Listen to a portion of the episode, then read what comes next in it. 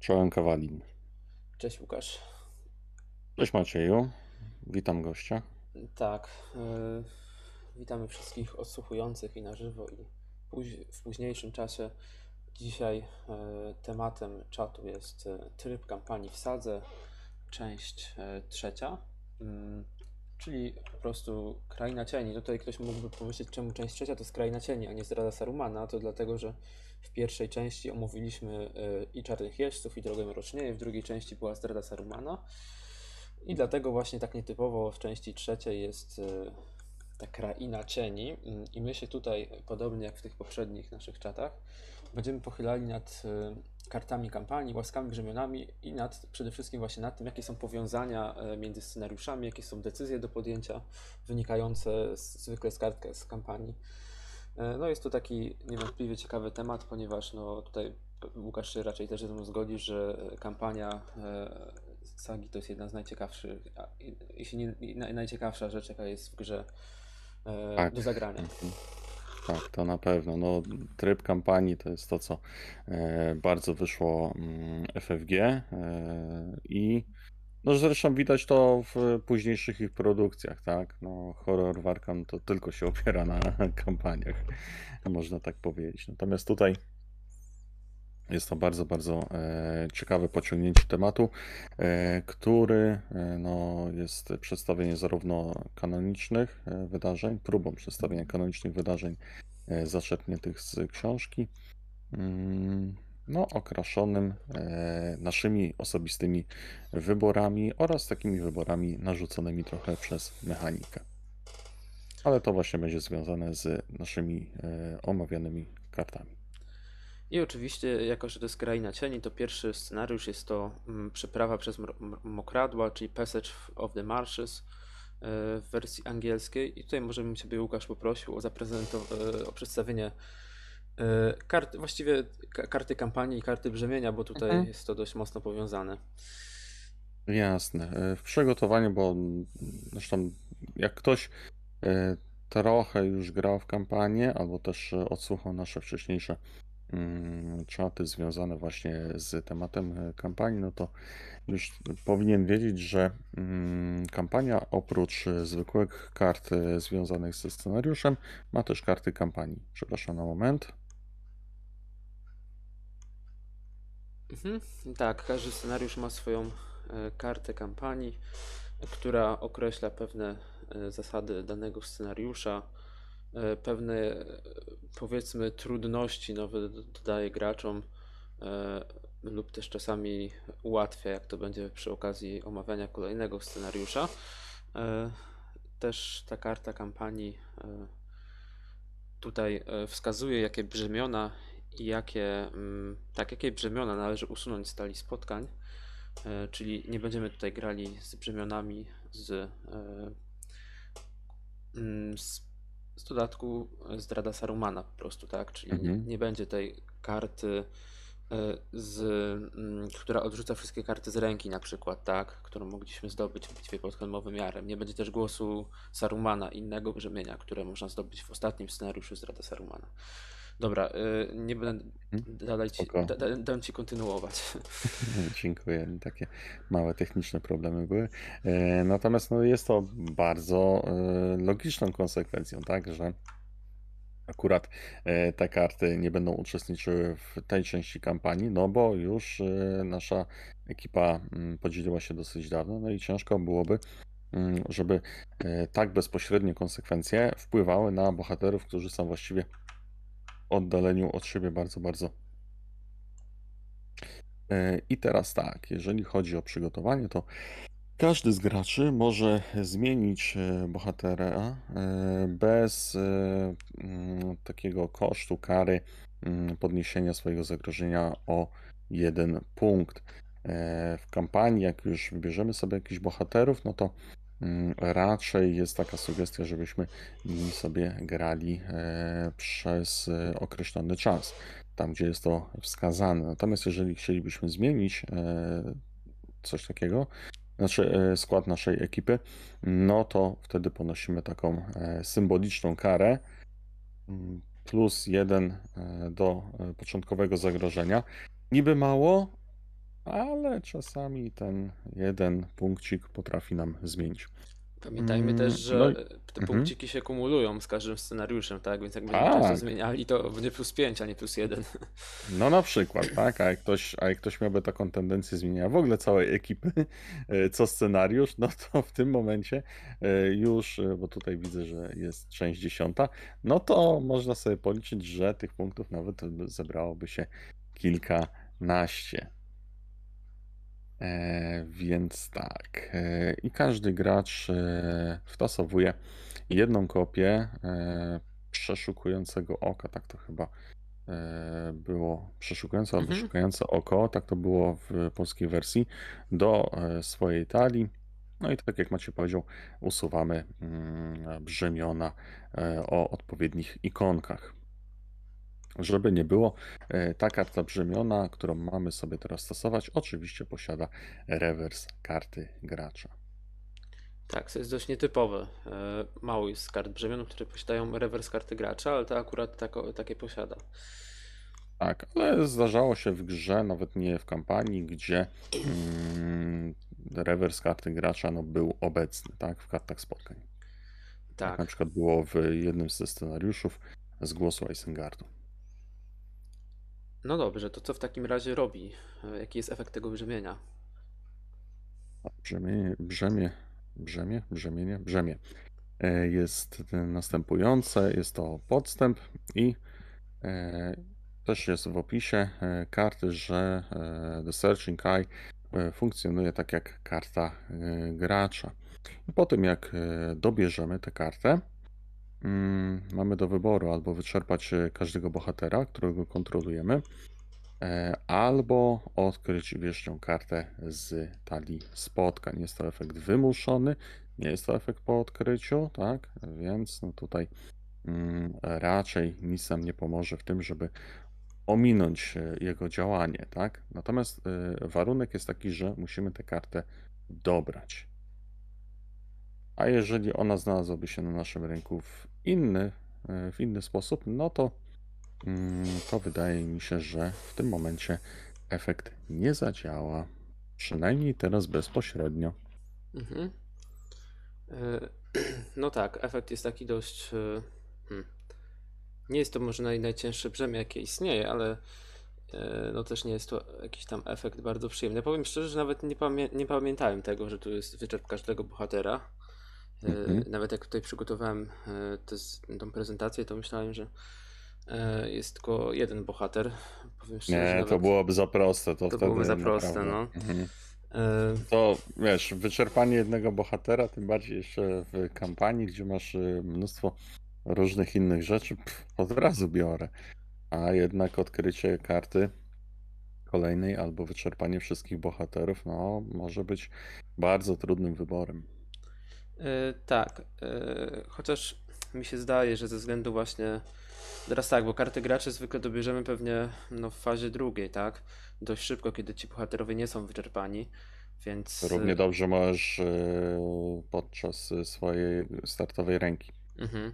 Tak, e, i mi się wydaje, że wyczerpanie wszystkich bohaterów, a odkrycie jednej karty spotkania, to jednak to odkrycie jednej karty spotkania tutaj jest e, trochę korzystniejszą opcją, bo jednak no, nie no, w, w tych scenariuszach już tutaj tych trudniejszych, no może jeszcze nie w tym, ale w tych dwóch kolejnych na pewno, wyczerpanie wszystkich bohaterów to jest koniec gry tak naprawdę w Mhm. danej rundzie. Nie ma szans już raczej, e, ani w rozstajach, ani w szelobie, żeby jedną rundę bez bohaterów. No O- chyba, Może ich że... przygotujemy. Mhm. O właśnie, chyba, że mamy na przykład e, tak zwanego jokera w ręku, tak, asa w rękawie, kartę, gdzie możemy przygotować sobie naszych bohaterów, tak, i niezależnie od tego, e, co tam się później stanie właśnie przy doborze tej karty, no to mamy zasoby, mamy efekty na to, żeby ich e, przygotować. To można coś takiego. Ale mm, tak jeszcze odnośnie pozbycia się tej karty albo manipulowania, no to tutaj taką starą mi wydaje się dosyć oczywistą sztuczką jest używanie e, Inradi z e, Stargazer. Ga- Stargaze właśnie, tak, czyli podglądanie kart z naszej talii i manipulowanie kolejnością, tak, albo poprzez odrzucenie jej na przykład e, dzięki Zildjier Miner, tak? No, jest mnóstwo, mnóstwo, albo jeszcze inaczej, mm, zamiana przez fajkę Gandalfa, tak? Czy fajkę Mhm. Gandalfa, fajkę Istarich, e, bo tutaj niekoniecznie musimy mieć e, Gandalfa, tak? Możemy mieć równie dobrze na przykład Radagasta swojej ekipie. Więc e, możliwości e, manipulowania swoją talią są dosyć powszechne już teraz. Mm, I teoretycznie ta karta nie powinna przy odpowiedniej talii sprawić większego problemu. Mhm. No tak, chociaż no nie, nie każda talia też dysponuje tą, tymi opcjami manipulacji. Nie, no jasne, tak? Tylko no, jest taka opcja, Mhm. że coś z tym możemy zrobić innego, oprócz na przykład właśnie e, tego wyboru, jaki jest nam stawiany. Tak. No i teraz pytanie, bo tutaj na, e, na koniec scenariusza musimy wybrać, czy bierzemy tą kartę już e, do na, na pozostałą część kampanii, czy też zwiększamy swoje startowe zagrożenie o dwa już permanentnie. I teraz pytanie, które według Ciebie lepiej wybrać, którą opcję? Ja brałem e, powi- zwiększenie swojego startowego zagrożenia z uwagi na to, że i tak grałem na dosyć niskim zagrożeniu, więc e, stwierdziłem, że wolę mieć coś takiego niż dodatkową kartę w swojej talii, która będzie mi przeszkadzała. Mhm. Hmm. E, Ja tu powiem szczerze, że nie do końca pamiętam, e, jak grałem z tą kartą. Mam wrażenie, że ją wziąłem, jak grałem w zeszłym roku kampanię, Mhm. E, ponieważ ten, to startowe zagrożenie w kampanii, no dość jest takie. Po pewnym czasie ma się już to startowe zagrożenie duże, bo jednak tych zmian bohaterów się troszeczkę tam gdzieś użyje, bo jakiś bohater zginie, więc trzeba go zastąpić i już plus jeden zagrożenia dodatkowo wskakuje. I tutaj jest jeszcze plus dwa i później łatwo już mieć te 35, 36 nawet na start, co nie jest zbyt mile widziane. Mm.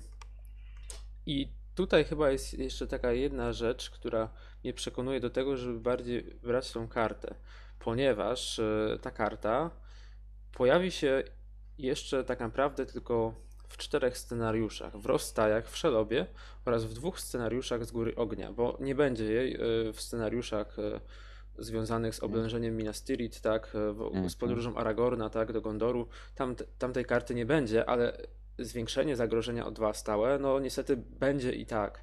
Więc jakby no zwiększenie zagrożenia będzie nam działało faktycznie do końca kampanii, a karta brzemienia będzie tylko w czterech scenariuszach. No to prawda te cztery scenariusze no nie są wcale proste. No Właśnie, a ta karta ich nie ułatwia. Ta karta ich nie ułatwia. Więc tutaj no, jest taki ciekawy wybór i tutaj, nie wiem, ja nie potrafię tak jednoznacznie odpowiedzieć, która wersja jest lepsza. No ja zwykle w kampanii grałem jakimiś taliami, które miały jednak 30 startowego zagrożenia już przy pierwszym scenariuszu, więc później to już było tam gdzieś z 34-5. No to dla mnie faktycznie to jeszcze zwiększenie o 2 to już byłby koniec, ale, Mhm. To, ale co, to, co ci... faktycznie mhm. jak ty gra, grałeś na mniejszym zagrożeniu, no to myślę, że faktycznie nie ma aż takiej, że można jeszcze jakoś przeżyć z, z tym zwiększonym zagrożeniem.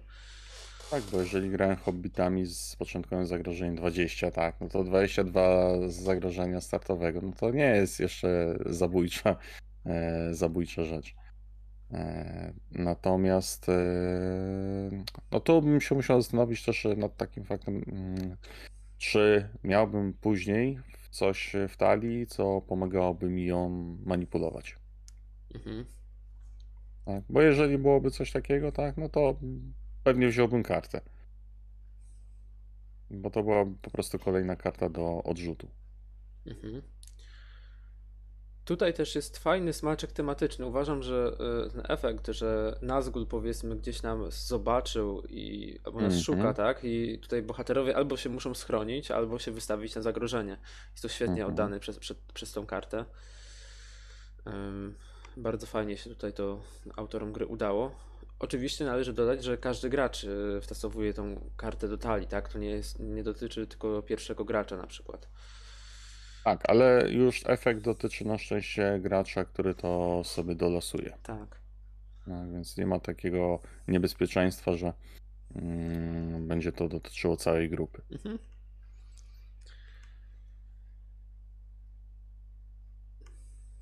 No dobra. E, Myślę, że możemy przejść dalej mm, do kolejnego scenariusza. To jest jeden z moich ulubionych scenariuszy z kampanii, w ogóle z gry e, Podróż ku rozstajom. Jed- Jednocześnie jeden z najbardziej niewdzięcznych.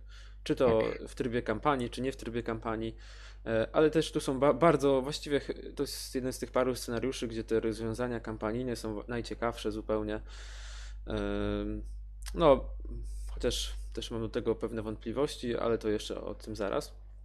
I tak. Ha? Pojawią się spoilery, więc od razu Tak. ostrzegamy, tak? To będą spoilery dotyczące e, dalszej części kampanii, więc jak ktoś nie chce sobie psuć, to może tak, e, e, nie wiem ile to potrwa nam omawianie, ale podejrzewam, że około 5 do 10 10 minut. Mhm. Mhm. E, tak, no pierwsza część powiedzmy jeszcze jest w miarę bez spoileru, bo podzielę to tak, że. Bo to jest znaczna różnica, znaczy inaczej, podzielę to na część z początkiem scenariusza Mhm. i z końcem. Tak, tak, tak. E, I teraz tak, karta kampanii nam na początku e, w przygotowaniu scenariusza nakazuje e, albo dodać jeden zasób każdemu bohaterowi, albo wtasować sobie jedną kartę łaski, czy właściwie każdy gracz to wybiera, czyli albo gracz dostaje po jednym zasobie do każdego bohatera, albo wtasowuje sobie kartę łaski do talii. No, i to tak naprawdę tyle, jeśli chodzi o przygotowanie. I teraz co robi ta karta łaski? Można ją tylko zagrać, jeśli jesteśmy mm, posiadaczami powiernika pierścienia. I ona, nam, ona jest, ma koszt 0, jest wydarzeniem i e, ma efekt e, akcji planowania, mm, że możemy dodać to wydarzenie do puli zwycięstwa, aby wybrać dwie opcje. Wyleczyć o dwa, o dwa obrażenia z bohatera, dodać dwa zasoby bohaterowi, wybrać, gra, e, wybrać gracza, e, żeby dobrał dwie karty lub zmniejszyć zagrożenie jak- jakiegoś gracza o dwa. I więc można na przykład i dobrać dwie karty i, dodać sobie dwa zasoby. E, No, w sumie to jest taka ciekawa sytuacja, że na starcie scenariusza dostajemy jakiś taki pozytywny efekt, tak? Że no te zasoby albo ta karta. Jest to takie dość niespotykane, ale powiem szczerze, że jakby nie, no ja akurat tutaj tu już od razu powiem, że jestem zwolennikiem tej opcji z zasobami, bo tutaj w tym scenariuszu mieć te zasoby, a ich nie mieć, to jest po prostu ogromna różnica. Ten scenariusz jest po prostu mm, eks, e- ekstremalnie trudny w grze na solo i takie dodatkowe zasoby w pierwszej rundzie, a więc mamy wtedy 6 zasobów już w pierwszej fazie planowania do wydania, no to, Mhm. to akurat jest y, ogromna pomoc tutaj, a karta niestety mm, ma ten minus 6, 8, 8 właściwie, tak, bo jeszcze jest Frodo. Y, a przy kontrakcie potencjalnie 10. tak. y, Karta ma, według mnie jeden zasadniczy minus. Ona powinna trafiać na rękę już nie wiem, jakby trafiła na rękę gracza, to, to znowu mogło, byłoby lepszą opcją niż te zasoby, ale. e, No bo wtedy, wtedy miał być taką samą sytuację jak z tymi ojejku, bajkami, opowieściami, Mhm. Tak, że masz, że od razu trafiały na rękę. tak. E, A, ale, ale ich efekt nie był tak potężny jak tutaj ten. mhm. Niemniej jednak, jeśli wtasujemy to do talii, to nie wiadomo kiedy to wyjdzie, czy wyjdzie w ogóle. I okej, to z tego, że później zgarniemy tą łaskę do końca kampanii, jak no, nadal będzie gdzieś tam wtasowana w talię. Będzie przydatna, ale bez tych zasobów naprawdę będzie bardzo ciężko wygrać y, scenariusz, dlatego ja właśnie zawsze wybierałem zasoby. I Tutaj się specjalnie nawet nie zastanawiałem. No to ja powiem ci, że ja wybierałem łaskę, Mm. bo stwierdziłem, że kurczę, jak teraz jest tak ciężko, to dalej będzie jeszcze gorzej.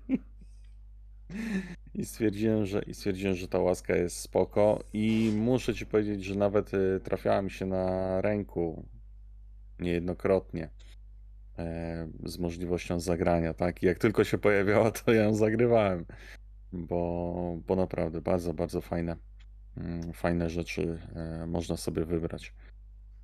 Tak, dwie spośród, tutaj chyba są cztery opcje.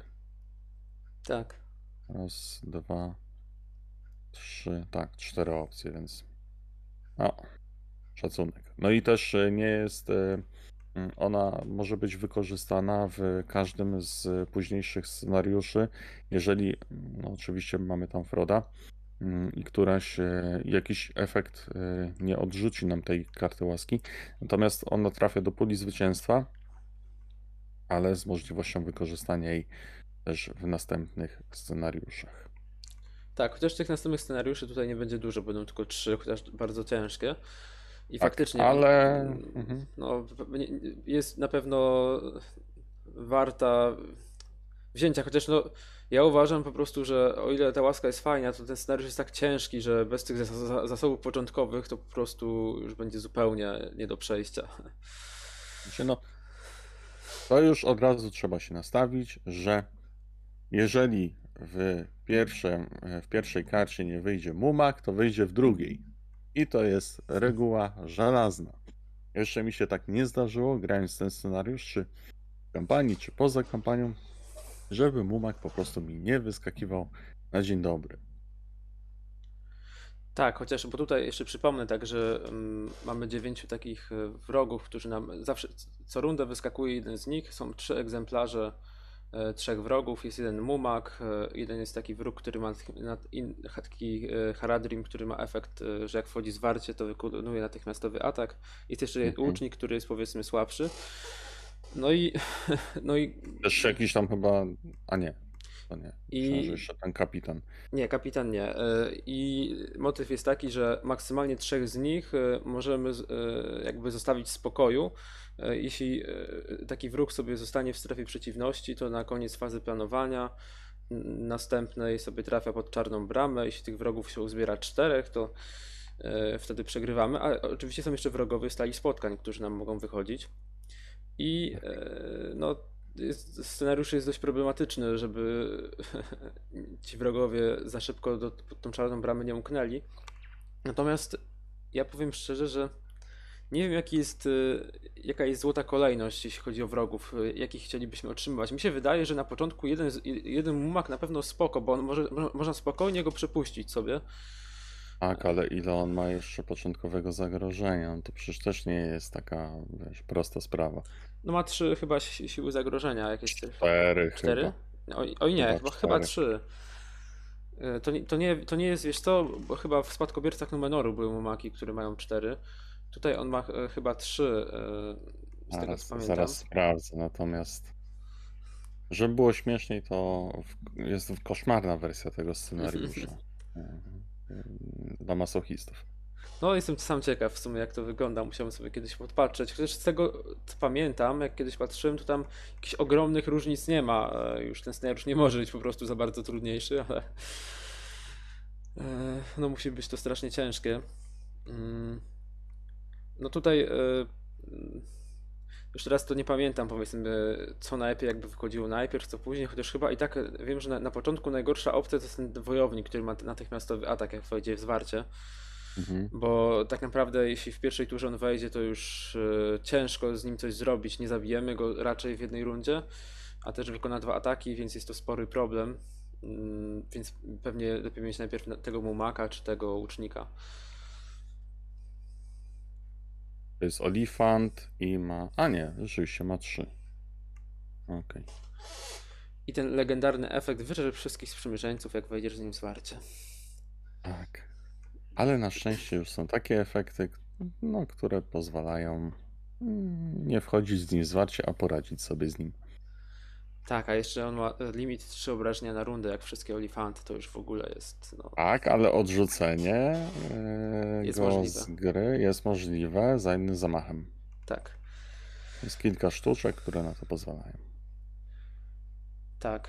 No i teraz y, my tak mówimy o tych wrogach, bo motyw jest taki na koniec scenariusza, że wszystkich wrogów, którzy uciekli pod tą czarną bramę, sobie odnotowujemy w dzienniku kampanii. No i tak, tak, teraz jest ten spoiler. E, Jak ktoś jeszcze się zastanawia, czy dalej słuchać, czy nie, bo nie chcę. u- e, może na chwilę wyciszyć. Tak, bo to jest akurat na taki najgorszy Dwie moment. minuty. E, ponieważ w, później w scenariuszu Bitwa na polach Pelenoru ci wszyscy wrogowie pojawią się naraz, jednocześnie w jednym z etapów wyprawy. No i będzie spory problem, żeby sobie z nimi poradzić, bo Tak. zwykle na tym już etapie dalszym, no to mamy dość duże zagrożenie i jak nam wejdą te trzy mumaki, No to jeszcze do tego w zwarcie wejdą. Nawet jeśli to będą dwa mumaki, na przykład jeden ten Nawet wojownik. jeżeli to będzie jeden, to i tak wszystkich sprzymierzeńców Tak. wyczerpuje. Tak. A w bitwie na polach Pelenoru i bez tych wrogów mamy często po trzech, czterech wrogów w zwarciu. Jeszcze często jednym z nich jest tam Nazgul albo ten król Nazgul i to y, jest ciekawie. Y, Jest ciekawie, natomiast wydaje mi się, że właśnie ten scenariusz Podróż ku rozstaju jest na tyle trudny, że mm, ciężko w niego zagrać na solo, tak, żeby na przykład przepuszczać w, y, wrogów, których chcielibyśmy przepuszczać, tak, czyli że na przykład samych tych łuczników przepuścimy, a olifantów Zresztą zabijamy. to, teoretycznie najlepiej nie przepuścić nikogo, tak? To byłaby sytuacja idealna. Że tutaj w ogóle też jest fajne fabularne e, takie rozwiązanie, nawiązanie, tak? No na tyle, na ile przepuścimy tych wrogów, tak? No to robimy sobie pod górkę. Tak, e, to jest właśnie bardzo ciekawe, e, chociaż no, jakoś w grze na solo nie wyobrażam sobie nie przepuścić e, trzech wrogów, tak, jest zawsze takie... e, O, jest możliwe, tylko musisz mieć też ten łód szczęścia. Tak, no być może faktycznie na, na dwóch da radę jeszcze zagrać, ale powiem szczerze, że właśnie Nie, no dwóch to spokojnie. Grając ten scenariusz, to zawsze jest takie e, oscylowanie na takiej wąskiej linii, że już jest trzech wrogów pod tą czarną bramą i trzeba coś zrobić, żeby tego czwartego tam nie wpuścić, a jeszcze jeden mumak czeka gdzieś tam w talii do odkrycia. Wiesz, Maciej, teoretycznie, jak ci się karty, jeszcze karty spotkań ułożą razem z kartami gracza, tak, no to powiedzmy, wyskoczy ci jakiś wróg, potem wyskoczy ci obszar, będziesz miał Gandalfa z nieoczekiwaną odwagą, coś tam można porobić. E, a jeszcze jest też e, jeden obszar, który nam pomoże trochę. No tak, faktycznie jest obszar, który nam nie pozwala wchodzić zwarcie z wrogami, ani oni nie mogą uciekać pod czarną bramę. Jakoś Tak, tak to mniej tak, więcej tak. działało. Mhm. E, Jeśli chodzi w ogóle o ten scenariusz, to on tutaj, no ja, do, ja z jednej strony go uwielbiam, ale z drugiej strony to jest taki e, campaign killer, że tak naprawdę jeśli Mhm. chcemy sobie pograć w kampanię jakąś talią, to często to, to, ten scenariusz jest momentem, gdzie po prostu już nie przebrniemy, że to jest, to jest po prostu taka blokada i od tego momentu zaczyna się już ta znacznie trudniejsza część kampanii. E, bo Po tym właściwie już większość scenariuszy, no, e, łącznie z tym, no, ma znacznie wyższą, wyższy poziom trudności, tak? Ten scenariusz jest o wiele trudniejszy od Balroga, czy od, no, ogólnie od tych poprzednich, jakie były. Mm, Też jest trudniejszy od niektórych kolejnych. Mm, No i to jest jedna rzecz, to jest sam z siebie scenariusz jakby blokuje nas w kampanii, ale jeszcze później, w- jak mamy tych wrogów już pod czarną bramą i oni wyjdą nam w tym jednym z tych kolejnych scenariuszy, to już w ogóle jest tragedia. Ale moi hobbici kiedyś dali radę. No, hobbitami to przejść to. No wiesz, no to byli hobbici wzmocnieni przez e, karty kampanijne, no to Mhm. też jest troszeczkę wtedy inaczej. Jak sam biega z e, przekutym na nowo mieczem, tak, i zabija wszystkich po kolei. Mhm. No tak. No, w każdym razie ten scenariusz budzi dość duże emocje mm, Mhm, wśród graczy. I może dobrze. Mm, Chociaż faktycznie, no, granie na nim jeszcze w tych dawnych czasach, kiedy ten scenariusz wychodził z mniejszą pulą kart, to była po prostu masakra. E, oczywiście mówię to tylko o grze solo, bo na dwie osoby to jest bardzo trudny, ale jest jak najbardziej możliwy do przejścia. Bo też e, to rozłożenie wrogów, tak? No bo mm, jasne, że e, masz wtedy większą szansę na, mm, na dociągnięcie kolejnych wrogów, tak? Ale to i tak będzie ten jeden spod, e, e, spod rozstajów, a który ma przejść do czarnej bramy. Ten jeden, no to mm, ci się rozłoży na pół, tak? Można tak to ująć. Tak, że, coś można, tak. że coś można z nim mądrego zrobić. A tak, jak jesteś na solo, no to trudno. Jesteś wciśnięty we wszystkie możliwości e, do, do ogarnięcia, jakie po prostu ten scenariusz chce z ciebie wycisnąć. Y, oczywiście. I jestem ciekaw, no trochę jest to nieprzeskalowany scenariusz, że faktycznie na solo mogli dać tu jakieś ułatwienie drobne.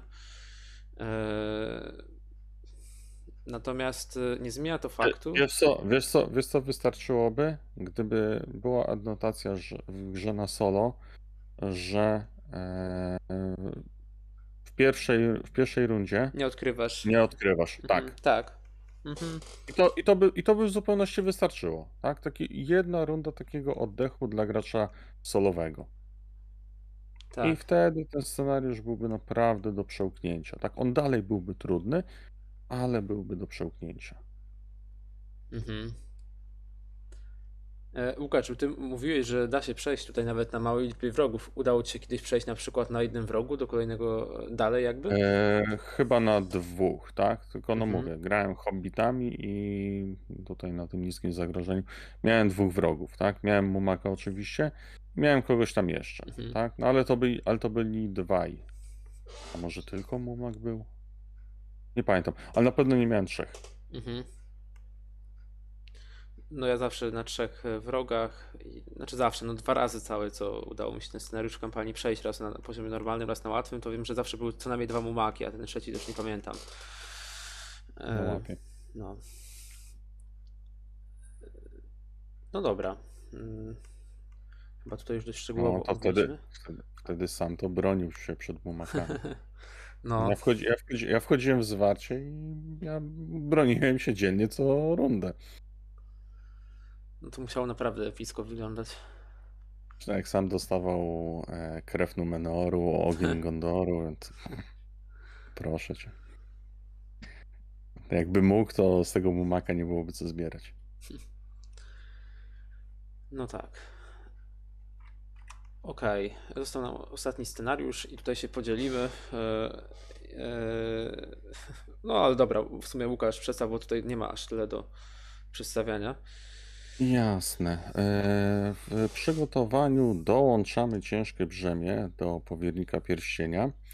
No i standardowo usuwamy te, mm, te brzemiona, które mają odpowiednie ikonki z poprzedniego e, rozszerzenia sagi. I teraz tak, ciężkie brzemię to jest e, to jest karta mm, celu z cechą stan. Jest stała, co też jest istotne. I w przygotowaniu dołączamy do powiernika pierścienia. Mm, Ma taki wymuszony efekt, że na koniec fazy planowania wybieramy albo e, podnosimy zagrożenie każdego gracza o jeden, albo wyczerpujemy powiernika pierścienia. Też świetnie tematycznie tutaj e, nawią- nawiązanie do tego, jak już Frodo jest coraz bliżej Mordoru, właściwie jest na przedpolu i e, ten pierścień go przygniata. Tak. I na koniec scenariusza dodajemy to brzemię do puli kampanii i tutaj nawet nie mamy żadnego wyboru. Po Tak, prostu po je zdobywamy Mhm. i ono będzie w dwóch kolejnych scenariuszach, znaczy dwóch scenariuszach z góry ognia będzie nam bardzo mocno utrudniało przejście Tak, kolejnych trzeba, trzeba scenariuszy. pamiętać, trzeba pamiętać, że to jest, e, ma tę cechę też e, stała, tak? Więc e, jako e, stała karta, no to jest non-stop e, obecna, tak? Ona już będzie z Frodem do końca, właściwie do końca gry. Tak, no nie można w żaden sposób e, zdjąć żadnym górnikiem z żelaznych wzgórz, tak. A efekt jest, e, no to, że wyczerpujemy powiernika pierścienia lub zwiększamy zagrożenie o jeden jest strasznie złe. I- Czekaj, czekaj. Aha, A, bo to nie jest dodatek, dobra, bo to jest to cel. nie jest dodatek. Mhm. Okej, no, no, no, spoko. E, Nie wiem jak ty, jak, Łukasz, jak już miałeś to brzemię na późnym etapie kampanii, to właśnie Mhm. jaką opcję preferowałeś? Jeszcze to pewnie zależy od scenariusza, ale Raczej wyczerpywałem Froda, bo y, sam już miał tyle y, siły woli, tak? Mhm. Frodo, Frodo jakby do niczego mi nie był potrzebny, tak? E, Więc y, sam, y, sam razem z pozostałymi, no po prostu musiał robić swoje, tak? Chodził na wyprawy, przygotowywał się i tak dalej. Więc y, w moim przypadku podnoszenie zagrożenia to nie musiało być, a jeszcze miałem te karty wzmacniające siłę woli, bo intuicja Frodo na czterech hobbitach, no z wyłączeniem Frodo na trzech, no to robiło swoje, więc bez żadnego problemu. E, Ja powiem szczerze, że z tym brzemię ma- miałem problem jednak, bo mm, no też w sumie wyczerpywałem Froda, ale to jest zawsze ten jeden bohater mniej do wyprawy, tak? Te dwa siły woli, zwykle dwa siły woli, zależy od Mhm. tego jakiego Froda mamy. Mhm. e, no to jednak sporo tutaj. Nie no, chyba, chyba każdy miał dwa siły E. Jeden ma efekt, który daje jeszcze plus dwa, nie? Więc A, w ten sposób. e, A, no i też y, fellowship u mnie był zawsze. W sensie mm, fellowship, w sensie dodatku. ten. Mhm, tak, który daje wszystkim No. bohaterom po do siły Tak, woli. więc jest to naprawdę, w moim przypadku siła woli to raczej nie była problemem. Ale e, tutaj ch chcę nadmienić, że tak, Jaskinia Szeloby to jest scenariusz, gdzie generalnie no... Czy inaczej, Mhm. każdy z tych trzech scenariuszy jest bardzo trudny, ale e, w Jaskini Szeloby no, musimy dawać dość sporo do wyprawy, to jest dużo obszarów, dużo wrogów, którzy mają dość wysokie zagrożenie nas nie widzą, ale trzeba w jakiś sposób jednak questować. I tutaj brak tego, e, tego Froda, tego dwa, dwa siły woli jednak no, no robi różnicę, jak się gra w trybie kampanii. Ten scenariusz jest naprawdę bardzo ciężki. E, Znaczy on, jest bardzo ciężki tak czy owak, ale w kampanii jest jeszcze Mhm. po prostu trudniejszy. Pamiętajmy, że tu już mamy całe mnóstwo brzemion z poprzednich scenariuszy, w tym również te brzemiona z scenariusza z Balrogiem, które były strasznie złe. Ale z drugiej strony mamy też karty łaski, które przecież będą nam pomagać. Tak. Natomiast, e, co jest ważniejsze, mm, to mm, są jeszcze dwa scenariusze. I teraz e, w scenariuszu Wieża Cirit Ungo z Góry Ognia, gdzie sam jest powiernikiem pierścienia, bo Frodo jest uwięziony, no to Heavy Barden jest dołączony do sama. Mhm. I tu już się robi problem, bo tamten nie mamy Froda. A cze, czekaj, czekaj, e, do sama. No nie no, wybierasz bohatera. E, przepraszam, do sama. tak. e, Do, do, sama, do sama możesz dołączyć, tak, e, tematycznie, natomiast Tak. możesz sobie wybierać. Ja, wy, ja, wybierałem, ja wybierałem zupełnie innego hobbita najsłabszego, który mi nie był potrzebny, tak, no to najczęściej był Pipin, z uwagi na jego nic nie robienie, a to Mary z samym wtedy ciągnęli wyprawę. Mhm, No tak, ja tak powiedziałem do sama fabularnie, ale faktycznie Tak, możemy tak, wybrać wiem. bohatera. Mhm. E, No bo wiesz, no bo, no bo Mhm. przecież jak ktoś nie gra hobbitami, tak gra zupełnie innymi bohaterami, no to, to do kogoś trzeba dołączyć. Tylko, że wtedy zostajemy tak naprawdę z dwoma bohaterami. I to już w tamtym scenariuszu to jest dopiero już Ale masakra. tam, ale, ta, ale tam pamiętaj, że masz troszeczkę inne też efekty, Mhm. które no jednak pomagają ci, tak? To jest ten jeden z tych nietypowych, o będziemy zresztą mówić, to jest jeden z takich nietypowych scenariuszy. Tak, no i oczywiście jest ten ostatni scenariusz Góra Ognia, gdzie no to już każde brzemię to jest mm, straszliwie przeszkadza. No, no ale no, nikt nie obiecywał, że będzie łatwo. No tak, e, na pewno jest tematycznie.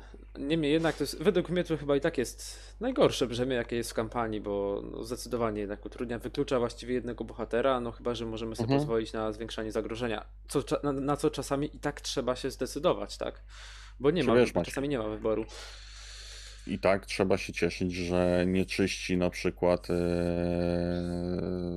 pola Frodowi Mhm. e, tekstowego, tak że może korzystać ze swoich umiejętności, albo e, też nie zabierają mu zasobów, tak? No To też w ogóle byłoby Mhm. nie do przejścia. No i tak, no. Tak jak właśnie tutaj słyszycie, mm, tych brzemion i łask mamy łącznie dwa brzemiona na jedną łaskę tak naprawdę w tym dodatku, czyli jest to znacznie, znacznie mniej niż było to w poprzednich dodatkach i taka tendencja już się będzie dalej utrzymywała. Ale są potężniejsze. Tak, są takie bardziej, e, brzemiona są takie bardziej uderzające. Łaska jest też dość dobra, tak. To nie jest jakiś tam dodatek, za który trzeba zapłacić i którego nie zagramy i tak. E, Trochę mnie generalnie dziwi to pójście właśnie od tego dodatku w mniejszą ilość łaski brzemion. E, Trochę żałuję tego, bo akurat ja lubię tą mechanikę i znaczy może inaczej, brzemion już byłoby za dużo po prostu. mm, Natomiast e, trochę jeszcze łask by się przydało tam takich lepsz, lepszejszych e, w kampanii, a niestety no aż tak dużo nie ma, to jest tylko jedna łaska. Mm, No jeszcze w kolejnych dodatkach są łaski, ale nie ma ich po prostu zb- zbyt wiele. No tak, tylko teraz jaką łaskę byś widział? Tak na szybko. Yy, Wiesz co? Ja bym jeszcze chciał coś takiego zobaczyć, jak w drugim scenariuszu Nóż ciemności się dostawało, wybierało się je, je, jeden dodatek do bohatera, plus jeden do Mhm. obrony, plus jeden do ataku. Ja bym chętnie zobaczył coś podobnego jeszcze, e, co by na przykład rozwijało mm, tamten poprzedni dodatek, ale nawet jeśli nie, to w jakiś sposób wzmacniało bohatera na te ciężkie scenariusze. Mhm. No, twórcy stwierdzili, że pula kart i tak będzie potężna, więc po co, po co jeszcze dodatkowe ułatwienia? Mhm. Dobra, jeśli chodzi o łaski brzemiona, to chyba myślę, że temat zamknięty, chyba że jeszcze Łukasz chcesz coś dodać. Nie, wydaje mi się, że jest ok. Możemy jeszcze chwilę porozmawiać e, na temat taki powiązany w ogóle z wszelkimi scenariuszami z kampanii, czyli z, może- z, fro, z, z frodami. Ma- Mamy, w, w, jak jeśli mamy wszystkie dodatki, e, czy może inaczej, nie wszystkie dodatki, ale te określone, e, czyli cztery z nich, to mamy łącznie cztery wersje Froda. Jako bohatera Mhm. z, z, z drużyny pierścienia. Każdy z nich ma dwa siły woli, jeden ataku i dwa obrony. Ja teraz pokrótce przeczytam wszystkie efekty, jakie oni mają i porównamy sobie ich. e, Porozmawiamy chwilę o tym, który, których z nich zwykle wybieraliśmy. No więc tak, pierwszy Frodo, który jest w czarnych jeźdźcach, ma efekt e, odpowiedzi, wyczerp, jed, e, czy wyda jeden zasób em, z Froda i wyczerp jedyny pierścień, aby anulować efekt, efekty karty spotkania, właśnie odkrytej, i następnie wtasujemy, wtasowujemy tą kartę i odkrywamy nową, tak? Czyli taki. E, To nawet nie jest e, anulowanie efektów odkrycia, tylko anulowanie całej karty i wtasowanie z powrotem.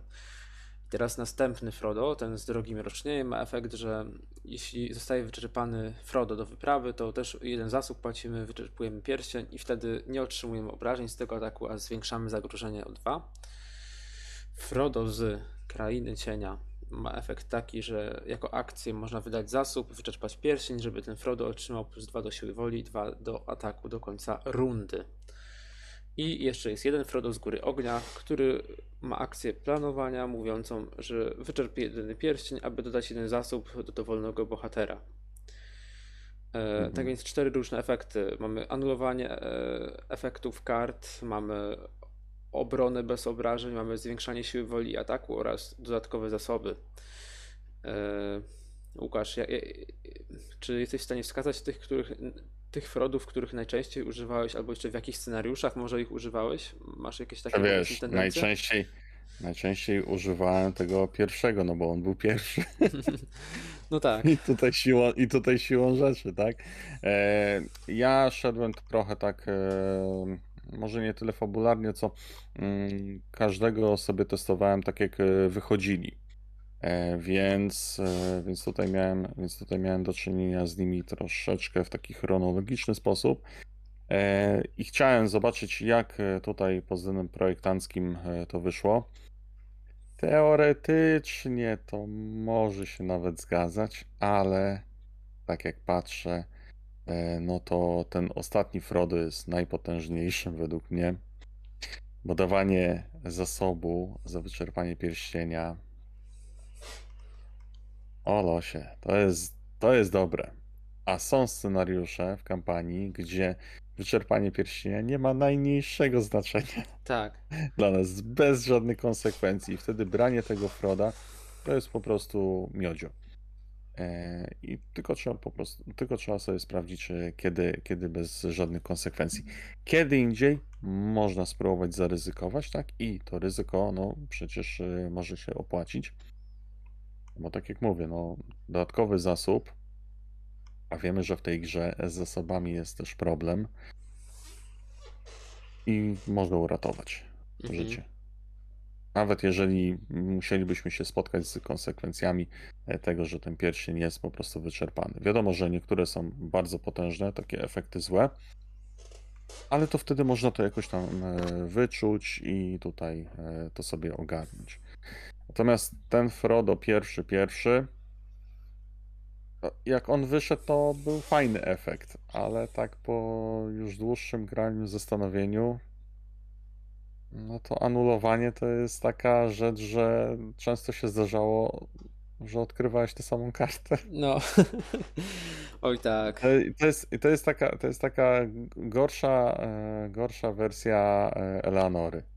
Bo tam to chociaż mogłeś odrzucić sobie to, e, te karty, tak? No powiedzmy było anulowanie i trzeba było rzeczywiście odkryć nową, ale tamta, którą anulowałeś, to szła na stos kart odrzuconych, a tutaj wtasowujesz i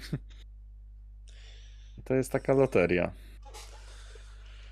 No tak, jest to loteria. e, Mhm. Jeśli chodzi właśnie o scenariusze, gdzie można wyczerpywać pierścień, to na pewno generalnie w drodze mrocznieje wiem, że sobie można było dość Tak. nieźle pozwolić. Mhm. E, W rozstajach też można sobie pozwolić, bo tam nic tak naprawdę Tak. nie, Mhm. nie ogranicza. E, Dokładnie. Generalnie wszędzie, gdzie są na zgóle, tam raczej jest z tym wyczerpywaniem pierścienia Mhm. różnie, bo tam one mają efekty jakieś dodatkowe, jeśli ma- jest wyczerpany pierścień. Ym, Ale tak jak spojrzeć właśnie na to, to co najmniej e, połowa, tak, e, tych, e, ty, znaczy co najmniej, ja bym powiedział mniej więcej połowa tych scenariuszy, no to jest taka, że spokojnie ten pierścień może być Mhm. wyczerpany. Coś w tym jest. No tutaj na pewno, do, do, do, e, jeśli chodzi o scenariusze, gdzie na pewno nie można wyczerpywać, na pewno jest to pierwszy scenariusz, gdzie jest mnóstwo złych efektów Tak. odkrycia, efektów Mhm. odkrywania. To tak. I powiem szczerze, że w pierwszym scenariuszu to ja właściwie zawsze biorę tego Froda pierwszego, bo on faktycznie tutaj no, e, potrafi Ale- uratować. Tak, ale y, no właśnie, gdyby to nie było to wtasowanie, to Mhm. naprawdę byłby bardzo, bardzo fajnym bohaterem. Ale że jest ten element wtasowania y, tej karty z powrotem, no to na co najmniej 50% ty wiesz, że odkryjesz tę kartę jeszcze raz. No chociaż A no, jeżeli grać, znaczy wiesz, na, na solo to jeszcze masz jakieś szanse, ale spróbuj grać tym Frodem na kilka osób i e, wykorzystywać jego efekt. No, Nie, no on, on jest tylko na solo, tak ja bym powiedział. Mhm. e, że faktycznie on na e, kilka osób to nie ma sensu. Mm, Ale faktycznie właśnie w tym pierwszym scenariuszu tak właśnie mi się kojarzy, że najbardziej, no mm, też w, dru w, w drugim trochę nie aż w takim stopniu, ale też tam są e, niektóre złe rzeczy. Hmm, hmm, hmm. Gdzie tam jest jeszcze taki mega przydatny? Tak, dlatego ja, dla mnie nie było to znaczenia, którego Froda wezmę, tam gdzie są te e, kwestie z wyczerpywaniem pierścienia, bo to na dobrą sprawę nie ma najmniejszego sensu. Chyba, że masz jakiś test of will na ręku, wiesz, że nic głupiego ci nie wyjdzie. To Mm, jest jedyna mhm. opcja, a cała reszta... Powiem szczerze, Dlatego ja nie, ja nie, ja nie patrzyłem na Frodę, tak, e, Mhm. pod tym względem. Tylko tam, tylko tam, gdzie bezkarnie można było wyczerpywać pierścień, no to wtedy e, fajnie można się pobawić e, wszystkimi czterema, Mhm. tak? E, tak. Mm, No chociaż w sumie tylko ten ostatni Frodo wymaga wyczerpania pierścienia e, na początku, jeszcze przed fazą wyprawy, tak? Jeszcze u innych e, inni mają no raczej takie efekty, które już po odkryciu kart spotkań użyjemy. E, tak, tylko wiesz, e, e, no, bo, no bo kiedy indziej zasób sobie dać, No tak? tak, No to, tak. no to jakby też jest w miarę to logiczne rozwiązanie. Ale tak byśmy mogli przetrzymać trochę, nie? Zobaczyć, czy coś złego nam nie wyjdzie i wtedy... Ale, ale pamiętaj, ale pamiętaj, że tam nie masz jakichś właściwie kart, które są związane z tym, że zasoby sobie dałeś. Mhm. No Więc tak, ale, to- mogą być karty, które mówią, że jak masz wyczerpany pierścień, to coś złego się dzieje, tak? Tak, tak, ale nie, nie, nie, nie, nie o tym, tak? Mhm. Bo jakby tutaj już e, to, to chyba było. Tylko ja mówię o tym, że e, inna, mm, że. A dobra, no mm, dobra. E, ja nadążyłem za swoją myślą i nadążyłem za twoją myślą, że wtedy można byłoby tego Froda wyczerpać. Ale z drugiej strony, no to właśnie to jest to takie wypoziomowanie tej jego zdolności, żeby nie wyczerpywać pierścienia dla bezpieczeństwa, jak już jak tego nie musisz w tych scenariuszach, gdzie z tym pierścieniem właśnie coś już się dzieje złego. Jeśli chodzi o tego ostatniego Froda, to w sumie ja e, właśnie o tyle może nie miałem okazji aż, aż tak wiele razy nim pograć, bo on faktycznie był ostatni, a ta Góra Ognia jednak wyszła gdzieś Tak, pod koniec mhm. 17 roku, więc a wszystkie inne wyszły, no tam mm, piąty dodatek, no okej, no w piątym nie ma Froda, tak, ale Kraina Cieni, e, czwarty dodatek wyszedł pod koniec jakoś 2015, o ile się nie mylę. No to dosyć spora była Spora różnica to jest, To... Eee, I faktycznie miałem okazję więcej zagrać e, tym pierwszym Frodem lub tym trzecim, bo właśnie chyba, e, bo u mnie ten trzeci Frodo jest tym ulubionym, ze względu na to, Mhm. że on e, może być taką eowiną, bo cztery, dwa siły woli plus jeszcze dwa siły woli, to jednak już jest naprawdę dużo. I to Okej. to Mhm. faktycznie pozwala e, nieźle nieźle zaquestować. W tym również pozwala grać e, w scenariusze e, sagowe jakimiś taliami, które mają mało siły woli, bo właśnie ten Frodo pozwoli Mhm. przequestować jakoś scenariusz. I dlatego bardzo go lubię wybierać. On, on też w drugą stronę działa. Jeśli mamy talię, która jest questująca, ale mamy mało ataku, no to te trzy ataku uważam, że to jest naprawdę fajna opcja tutaj, e, żeby jakiegoś wroga e, pokonać, którego normalnie talia jakaś by się męczyła tam kilka tur. E, Więc jakby dla mnie, dla mnie ten, ten właśnie ten trzeci Frodo, który daje plus 2 do ataku i plus 2 do siły woli na całą rundę, jest właśnie tym takim naj, najbardziej użytecznym. Może dać mu szybki węzeł, więc on się będzie odtapowywał jeszcze w trakcie rundy. Mhm. I to jest strasznie fajne. I w rozstajach on jest straszliwie ważny, bo tam ta siła woli, żeby jakoś móc nadążyć za tymi rozstajami, których siła zagrożenia rośnie z wychodzącymi wrogami, to właśnie te cztery siły woli w Froda jest, ma naprawdę duże znaczenie. No spoko. Mm, Ja, bym- ja, ja bym bardziej optował za tym e, z zasobami, tak? Ale Mhm. jak najbardziej masz, e, masz e, tutaj rację i sens. I w sumie najmniej to chyba ten Frodo, który jakby broniąc się anuluje otrzymywane obrażenia i zwiększa poziom zagrożenia o 2. Ja powiem szczerze, że głównie to nim grałem po ku- zakupie Drogi Mrocznieje. On się przydaje, w- podejrzewam, w- jeśli gramy taliami na niskim poziomie zagrożenia, nie mamy za bardzo kim Mhm. bronić, ale tak to jakoś, nie wiem, to jak zagrożenie o 2 to jednak jest dość dużo. Bardziej, i jeśli chcemy z tego korzystać często, to, to niestety nas bardzo szybko zagrożenie nam podejdzie mm, do góry i po prostu przegramy. Mm, A jeśli znowu korzystamy sytuacyjnie, to tak trochę też e, no, dwa razy na grę tego użyjemy, no ale to równie dobrze mogliśmy wziąć innego Froda, który by in, innego efektu używał, tak, częściej. Tak i nie. Pamiętaj, że ten Frodo też może mieć zastosowanie, bo na przykład on jest e, lepszym Frodem niż e, Frodo z mm, niż Fro- Frodo cyklowy, ten niebieski, No tak, tak? to też prawda. Fakt faktem, no nie miał do dyspozycji pierścienia, e, no ale, ale e, efekt bardzo podobny i tutaj podnosimy tylko o dwa, gdzie zazwyczaj e, no, podnoszenie zagrożenia przez Froda było dosyć e, wysokie Mhm. przez tego niebieskiego, tak? Tak, tak. Bo on wtedy bronił, on wtedy bronił przed wszystkim, czym tylko mógł. Tak. To prawda, faktycznie jest lepszy, ale tego Froda niebieskiego ja kiedyś bardzo lubiłem. e, A jakoś tego nie, jakoś nie potrafię docenić. Mm. No, No bo po prostu mamy innych obrońców, tak? tak, tak. No, z, z biegiem czasu po prostu z wiele innych ciekawych bohaterów już należących do normalnych sfer się ukazało i po prostu ten Frodo tutaj nie robi takiego wrażenia. No, nie wiem, jeszcze Łukasz, jeśli chcesz coś dodać w temacie Froda. Mm, Nie, wydaje mi się, że ładnie wszystko zostało omówione, a i tak e, praktyka pokazuje swoje. Mhm. Tak. No, jest to nie, niewątpliwie fajna opcja, że możemy sobie wybrać, jakim Frodem chcemy grać, a nie tutaj jesteśmy zmuszeni do grania z jakimś konkretnym. Yy, Może Mhm. z, jednak yy, gra z każdym z nich wygląda trochę inaczej, więc to jest naprawdę duży plus.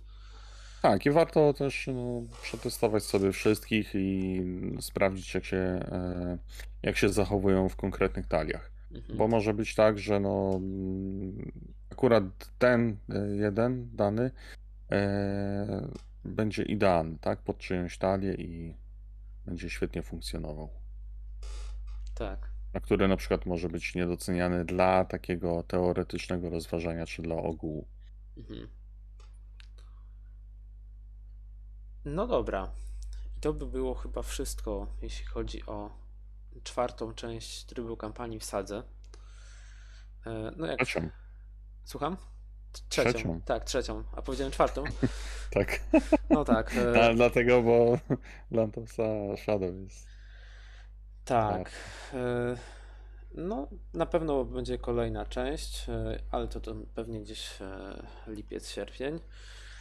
No, a tymczasem dzięki za dzisiaj i do usłyszenia. Do usłyszenia następnym razem.